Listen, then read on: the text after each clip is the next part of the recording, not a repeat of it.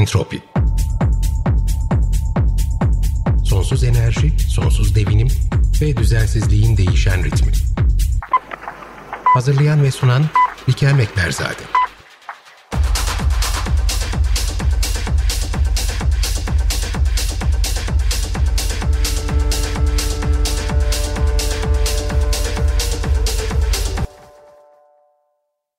Farklı sistemlerin birbirlerine hassas mekanizmalarla bağlı olduğu kırılgan bir gezegende yaşıyoruz. Az sonra bu mekanizmaların dinamiklerini Şili Valparaiso Üniversitesi'nden doçent doktor Deniz Bozkurt ile konuşacağız. Bugün günlerden 2 Mayıs 2022 Pazartesi. Entropi'ye hoş geldiniz. Sevgili Deniz hoş geldin. Tekrardan e, seni Entropi'de ağırlıyoruz. Bu sefer sen ben baş başayız. Ömer Hoca yok. Geçen evet. programda konuşacağımız şeyler çoktu. Malzememiz çok birikmişti. E, hepinize çok kısıtlı zaman verebildim ama bugün böyle geniş geniş e, bütün program beraberiz. Senle beraber senin özellikle Şili'de, gene bize Şili'den bağlanıyorsun. Çok teşekkürler bu arada vakit ayırdığın için. Rica ederim. Saat dilimlerimiz oldukça farklı ona rağmen. Bir de sadece saat dilimlerimiz değil, mevsimler de farklı. Ee, biz yaza giriyoruz, siz kışa giriyorsunuz değil mi? Evet, biz sonbahara geldik. İlk yaşlı sistemimizi de aldık zaten. Yani kışa doğru giriyoruz yavaş yavaş. Evet. Ee, şimdi senin çalışma konun çok önemli ve şu sıralarda da e, hatta yeni bir makale çıktı. Üzerinde de konuşulan bir konu. Bu gene atmosferik nehirler. Fakat atmosferik nehirlerin kutuplar üzerine özellikle Antarktika kıtasındaki buzullar üzerinde olan etkileri. Doğru söyledim değil mi? Yanlışsam evet, düzelt beni. Evet. Şimdi e, son gelişmeleri ben önce bir senden alayım. E, senin çalışmalarını biraz bize detaylandırırsan çok sevinirim. Sonra da sana birkaç tane sorum olacak. Tamam Bilgem çok teşekkürler. E, şimdi ben önce Antarktika ile ilgili biz neler yaptık burada onları anlatayım. Sonra e, bu makale üzerinden konuşmaya e, devam ederiz. Biz burada 2018 yılında bir projeye başladık. Şili Çevre Bakanlığı tarafından desteklenen Antarktika Yarımadası'ndaki iklim değişikliği ve etkileri. Bölgesel iklim modelleri kullanarak yüksek çözünürlüklü iklim değişikliği projeksiyonları ürettik Antarktika Yarımadası için. E, dolayısıyla bu projeksiyonlar demek ki elimizde birçok veri var. Yani Antarktika Yarımadası'nda gelecek 20 yılda 2050'ye kadar hava sıcaklığı ne kadar artacak, yağış değişimleri ne olacak, erime miktarları hangi seyirde olacak Bunlarla ilgili çeşitli analizlerimiz var. Yani bizim buradaki grupla son 3-4 yıldır yaptığımız Antarktika kıtasına özel yaptığımız çalışmalar bu veri seti üzerinden gitmekte ama biz daha çok diğer modelleri de yani küresel ölçekte çalıştırılan modelleri de işin içine katıyoruz. Çünkü onların sayısı daha fazla. E, belirsizlik analizlerini daha rahat yapabiliyoruz. Bizim elimizde tamam yüksek çözünürlüklü bir veri seti var ama e, tek bir model kullanıyoruz. Kısıtlıyız. O yüzden bizim e, son 3-4 yıldır Antarktika arasında yaptığımız çalışmalar daha çok e, bu iklim modellerinin çıktılarını yüksek çözünürlüklü ve küresel ölçekteki modellerin çıktılarını alarak analiz ettiğimiz veri setlerini kullanarak Antarktika Yarımadası için önümüzdeki e, 20 yılda iklim değişikliğinin seyri ne? Bunu araştırıyoruz. Tabi bunlar ortalama iklim değişikliği yani belli bir periyoda aldık işte 10 yıl veya 20 yıl. Bir de bunun yanında aşırı hava olayları dediğimiz işte senin de bahsettiğin atmosferik nehirler bunların etkilerini araştırıyoruz.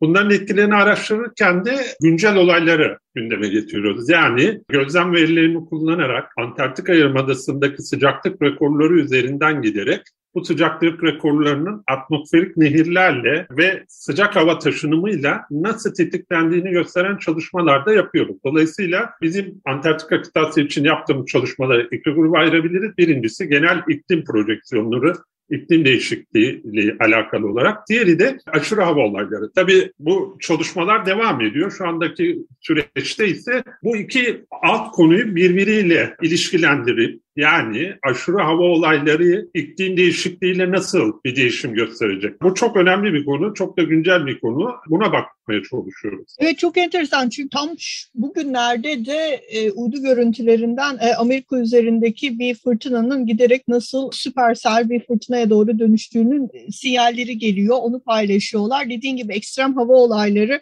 evet. biz de ara ara maruz kalıyoruz. Kısıtlı coğrafyamızda ama daha çok kıtaların okyanusa açık olan kısımlarında daha sert yaşanıyor bunlar. Denizdeki e, hava taşınımı oranıyla alakalı olarak yine yanlışsam beni düzelt lütfen.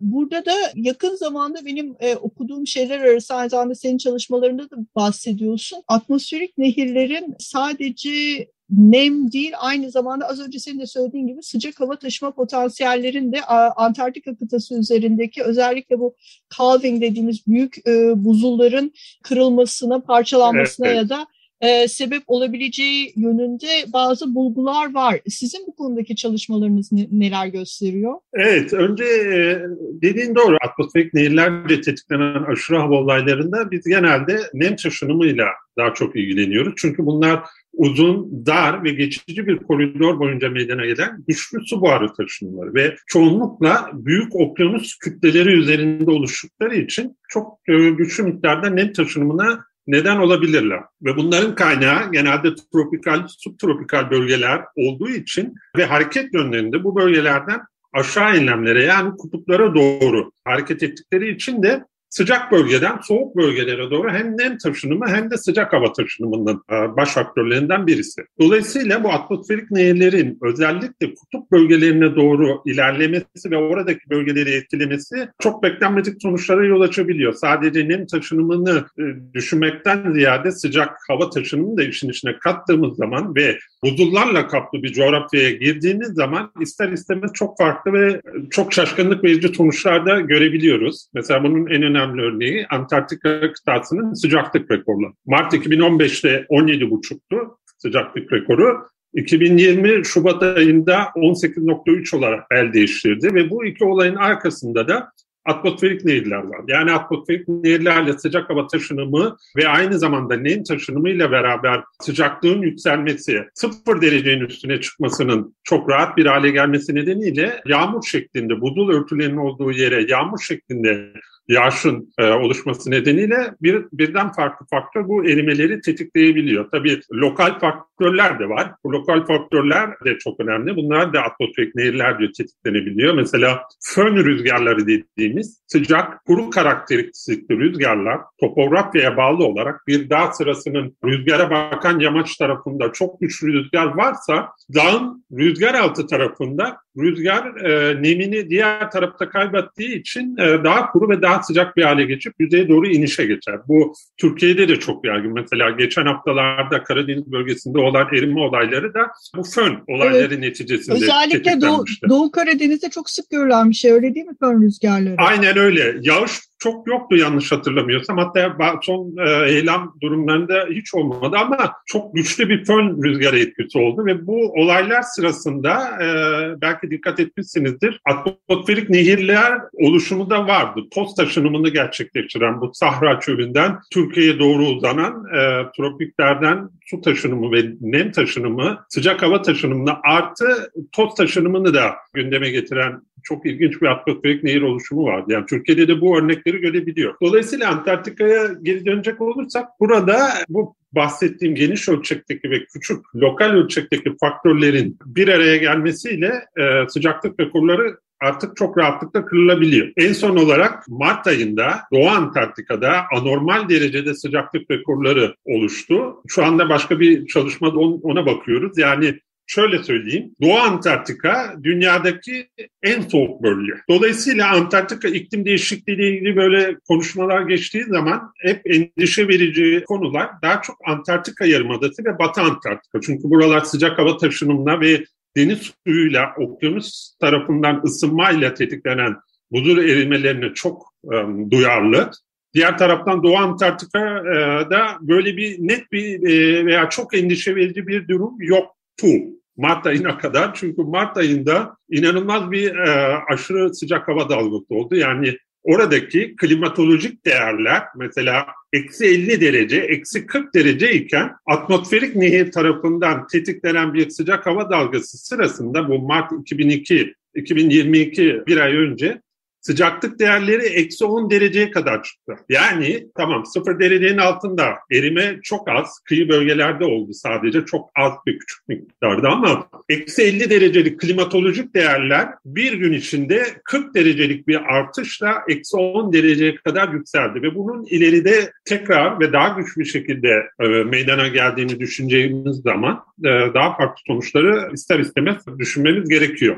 Dolayısıyla aşırı hava olaylarının bizim özellikle bu son zamanlarda yoğunlaştığımız, özellikle atmosferik nehirlerce tetiklenen ve işte bu lokal faktörler, fön rüzgarlarıyla da iyice şiddetini arttırabilen sıcak hava dalgalarının buzul kütlelerine olan etkisini daha çok araştırma üzerine yoğunlaşmış durumdayız. Bu son çıkan makalelerde daha çok bu konular üzerine yoğunlaşmış durumda.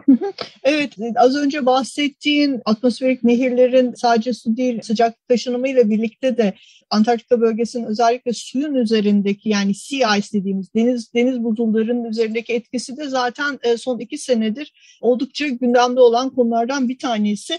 Bir başka şey de e, az Şimdi, önce... Pardon Bilkem, e, burada şey karıştırmıyorum. Deniz buzulu, şimdi atmosferik nehirler etkiliyor ama deniz buzulu çok net bilgiler yok nasıl etkilediğine dair. Çünkü deniz buzulu kompleks ve kaotik bir davranış gösterebilen e, bir bilişim. Daha çok bizim ilgilendiğimiz kıta buzullarında yani bu kara yüzeyindeki dağlık bölgelerdeki buzul kütlelerinde ve buzul rafı dediğimiz yani kıyı kesimde deniz üzerinde bulunan e, buzul rafları üzerindeki etkilerini araştırıyor. Deniz buzullarında da etkileri var ama onun etkilerini çok net bir şekilde gündeme getirebilir getiremiyoruz. Çünkü okyanus deniz yüzey sıcaklığı var, rüzgar, işte bu deniz buzullarının parçalanması, birbirini iteklemesi, rüzgar Dönemsellik de olabiliyor. Öyle dönemsellik, aynen öyle. Çok farklı faktör olduğu için e, çok net konuşamıyoruz deniz buzulu etkisi üzerinde.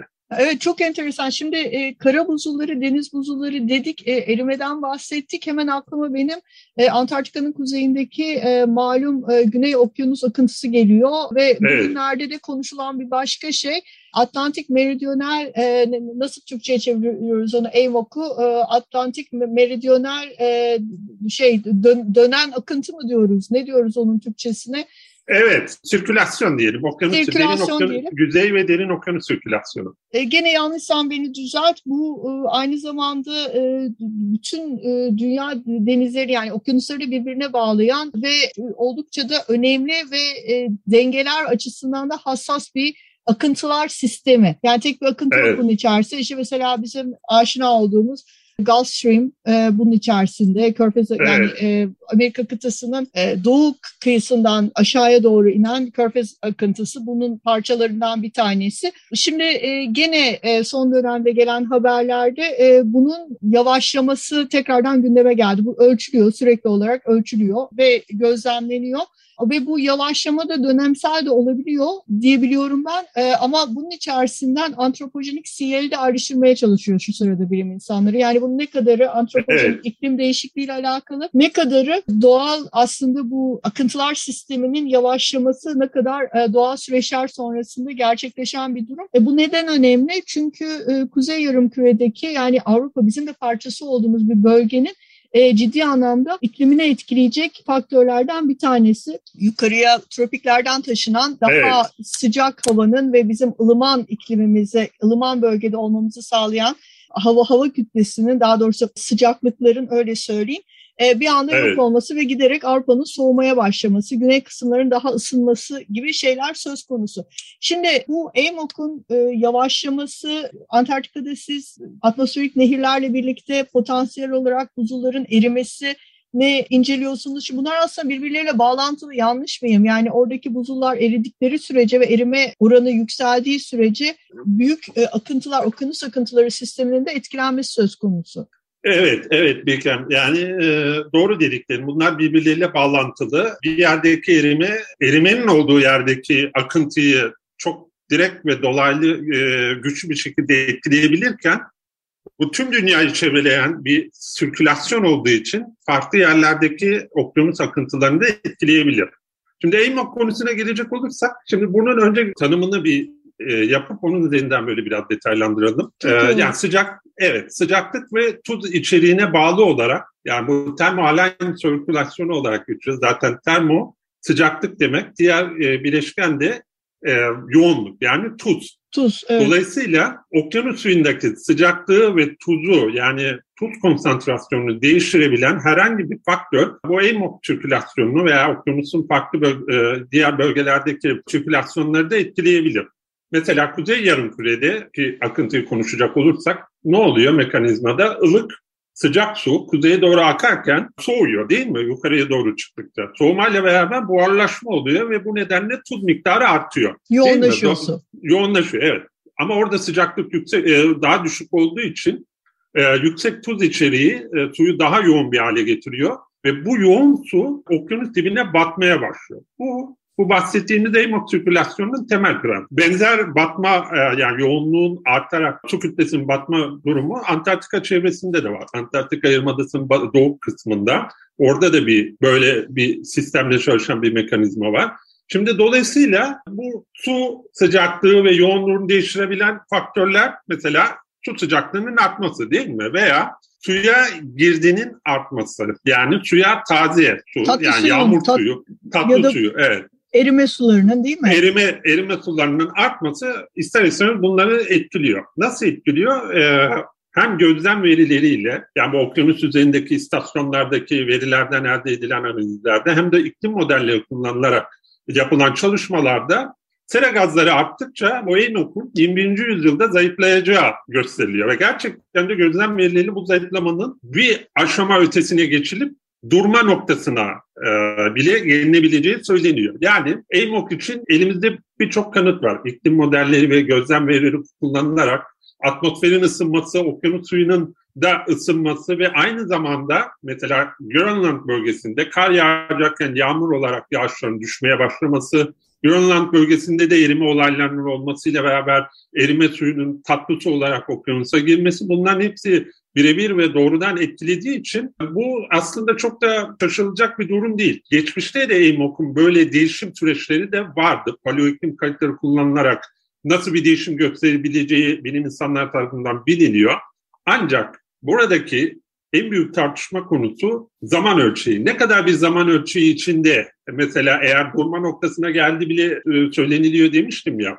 Ne kadar zamanda durabilir? Bununla ilgili çok büyük soru işaretleri var. Yani birden şey filmindeki gibi The Day After, yarından sonraki filmdeki gibi hemen böyle birkaç günlük bir seviyede olabilecek bir durum değil. Ama okyanus iklim sisteminin önemli elemanlarından biri olan okyanusun e, etki, tepki zaman ölçeğindeki yeri genelde 100 yıl, 1000 yıl mertebesinde böyle yüksek ve geniş zaman ölçeğindeki bir iklim sistemi elemanında şu anda yapılan çalışmalara göre bu EIMOK'un değişime girmesi, durması, birdenbire yavaşlaması ve durması birkaç on yıllık süreçte olabilir. Yani bin yıllık bir mekanizmayı gündeme getiriyoruz ve bu bin yıllık bir mekanizma içinde bu kadar küçük ölçekteki bir değişim yani 40 yıl, 50 yıllık bir süreçte böylesine ani ve sert mesela durma olayının olması tabii ister istemez birçok e, farklı sonuçları meydana getirecek. Çünkü sıcak su taşınımı yani tropiklerden yukarı enlemlere doğru sıcak su taşınımı kesintiye uğrayacak. Batı Avrupa'nın işte e, Atlantik Okyanus kıyıları tarafındaki normalde sıcak su akıntısının yarattığı ılıman iklimle bir nevi çok sert kışları geçirmeyen bölgeleri belki dönemsel olarak, mevsimsel olarak farklı bir periyotlarda bulunabilecek. Dolayısıyla bu e, tüm bu süreçleri birbirleriyle bağlantılı hale getirebiliriz. Mesela atmosferik nehirlerin çok artmasıyla beraber bu Antarktika üzerine konuşuyoruz ama Grönland'da da atmosferik nehirler e, oldukça sık. Yani ortalama iklim değişiyorken ortalama iklim değişmesi demek sıcaklığın artması. Bununla e, e, eş zamanlı olarak aşırı hava olaylarının da atmosferik nehirlerin sayılarının artması ya da sıcak e, hava taşınımının artmasıyla beraber e, okyanusa karışan tatlı suyu miktarının artması, yağmurun daha çok artması, normalde kar olarak düşmesi gerekirken yağmur şeklinde düşmesi tüm bu faktörler bu EIMOK özelinde bizim e, birçok konuyu gündeme getirmemizi e, teşvik edici. Bu aynı zamanda Antarktika için de geçerli. Antarktika bölgesinde de e, benzer durumlar var ancak bu kadar yoğun bir erime miktarları olmadığı için özellikle bu doğu tarafında bu Batma Donu'nun olduğu yerde Antarktika Yarımadası'nın bu Veda Denizi civarında var bir bölge. Batma Donu ee, dediğimiz tuzlu suyun e, dibe doğru çökelerek gittiği ve aş- öyle. aşağıdan yukarıya doğru hareketine devam ettiği yer. Evet, evet. Doğu Antar yani Doğu Antarktika Yarımadası'nın doğu kesimlerinde bu denli yüksek yoğun erime miktarları e, olayları olmadığı için şu ana kadar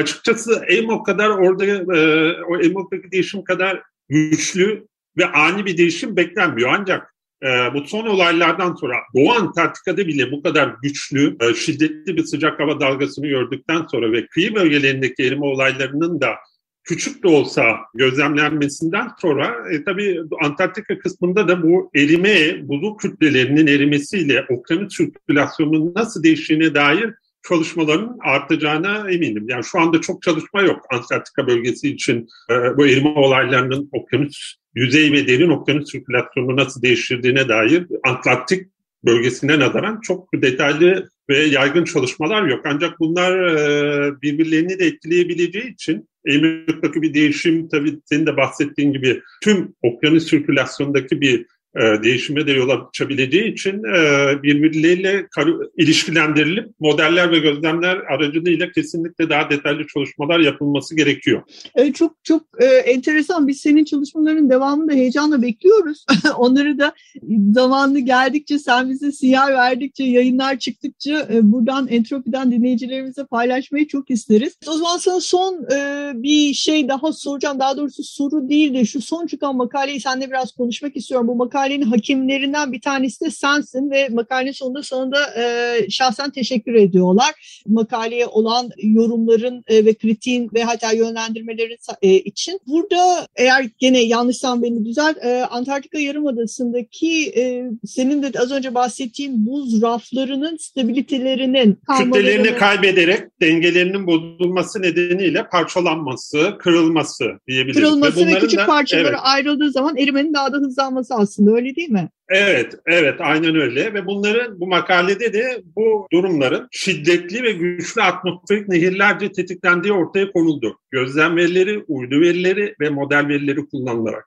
Yani buradaki en büyük e, sonuç şu, 2000-2020 yılları arasında Antarktika Yarımadası'nın en büyük buzul rafı olan Larsen buzul rafında meydana gelen buzul parçalanmaları veya calving olayları, buz raflarının parçalanarak buz dağları şeklinde okyanusa karışmasına e, neden olan e, mekanizma diye tanımlayabiliriz. Bu olayların 21 olaydan 13'ünün yani %60'ının tüm olayların atmosferik nehirlerle eş zamanlı olarak meydana geldiği ortaya konuldu. Bu çok ciddi bir rakam. Yani e, yarısından evet. fazlasından bahsediyoruz burada. Öyle yarısından fazlası aynen. Son 20 yıldaki bu buzdağ oluşumlarının yarısından fazlası atmosferik nehirlerin oluşma döneminde meydana gelmiş. Ve gerçekten büyük bir sonuç, önemli bir sonuç.